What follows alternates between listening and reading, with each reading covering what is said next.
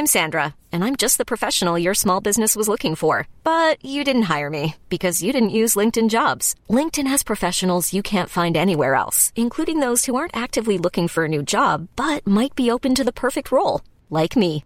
In a given month, over 70% of LinkedIn users don't visit other leading job sites. So if you're not looking on LinkedIn, you'll miss out on great candidates like Sandra. Start hiring professionals like a professional. Post your free job on linkedin.com/achieve today.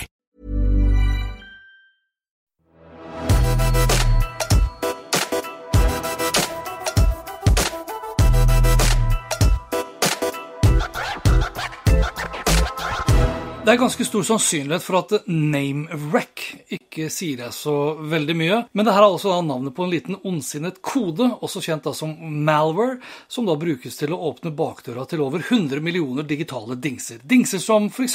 styrer varme- og strømmålere, smartenheter, overvåkningskameraer, alarmsystemer og medisinsk utstyr på sykehus, bare for å nevne noen. Altså dingser som du og jeg har kjøpt, installert og tatt i bruk hjemme.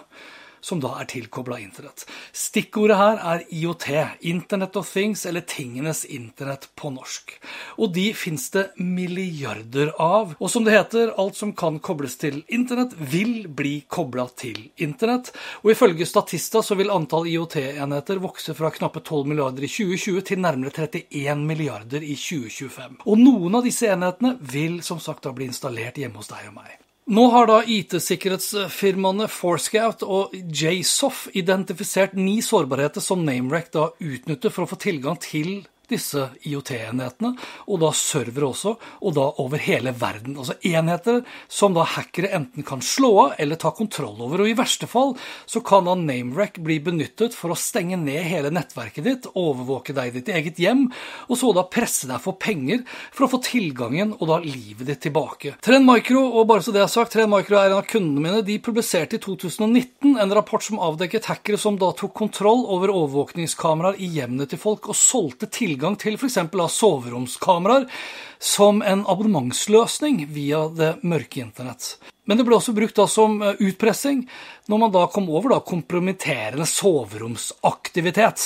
Og jeg er litt usikker her på egentlig hva som er verst. I rapporten til Trend Micro, The Internet of Things in the Cybercrime Underground, så ble det advart mot at angrep på internett til kobla dingser ville øke kraftig i løpet av de neste 12-18 månedene.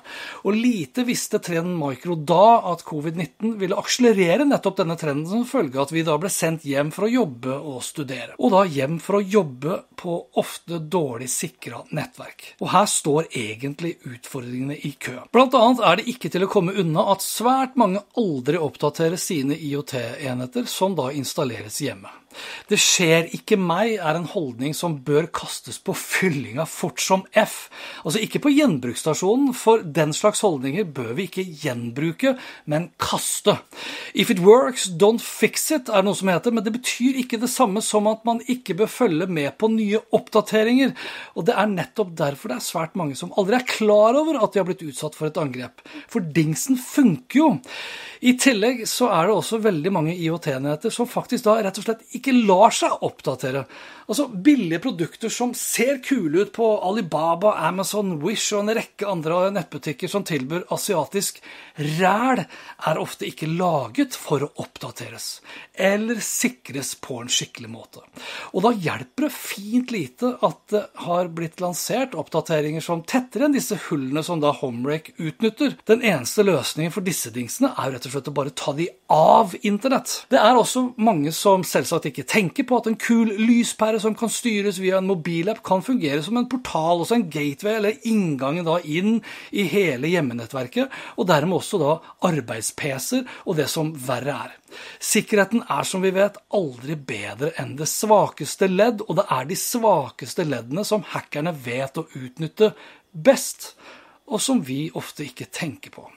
Så hva er det du da skal gjøre da for å sikre deg bedre? Punkt én er å alltid oppdatere. Selv om dingsen din funker som den skal, så betyr det ikke at sikkerheten er på topp. Sjekk jevnt og trutt om det har kommet nye firmware- og programvareoppdateringer, og oppdater alltid.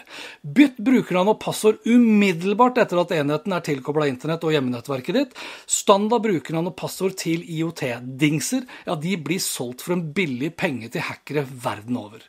Sjekk så om produktet du har tenkt å kjøpe faktisk lar seg oppdatere og lar seg endre brukernavn og passord. Styr unna billig dritt fra ukjente leverandører, og bli generelt litt mer paranoid. Kan det kobles til internett, ja, så kan det hackes. Og til slutt, glem de gamle slagordene om at det du ikke vet, har du ikke vondt av, og if it works, don't fix it. Alt og alle blir hacka, inkludert deg og meg. Så if you can't secure it, don't buy it.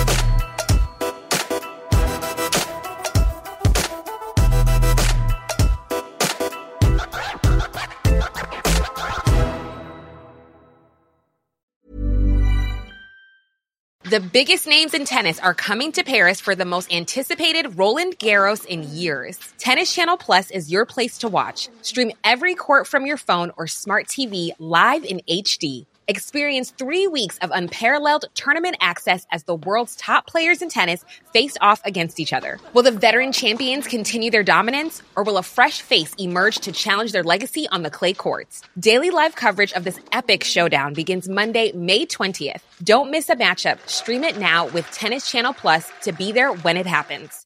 My business used to be weighed down by the complexities of in person payments. Then, Tap to Pay on iPhone and Stripe came along and changed everything. With Tap to Pay on iPhone and Stripe, I streamlined my payment process effortlessly. Now I can accept in person, contactless payments right from my iPhone. No extra hardware required. What's truly remarkable is how I can cater to all of my customers' payment preferences. Whether they're using cards, Apple Pay, or other digital wallets, Tap to Pay on iPhone and Stripe ensure a smooth checkout experience every time. And it's not just me. Stripe helps businesses of all sizes, from local markets to global retailers, scale quickly and stay agile. To learn how Tap to Pay on iPhone and Stripe can help grow your revenue and reach, visit stripe.com slash tap iPhone.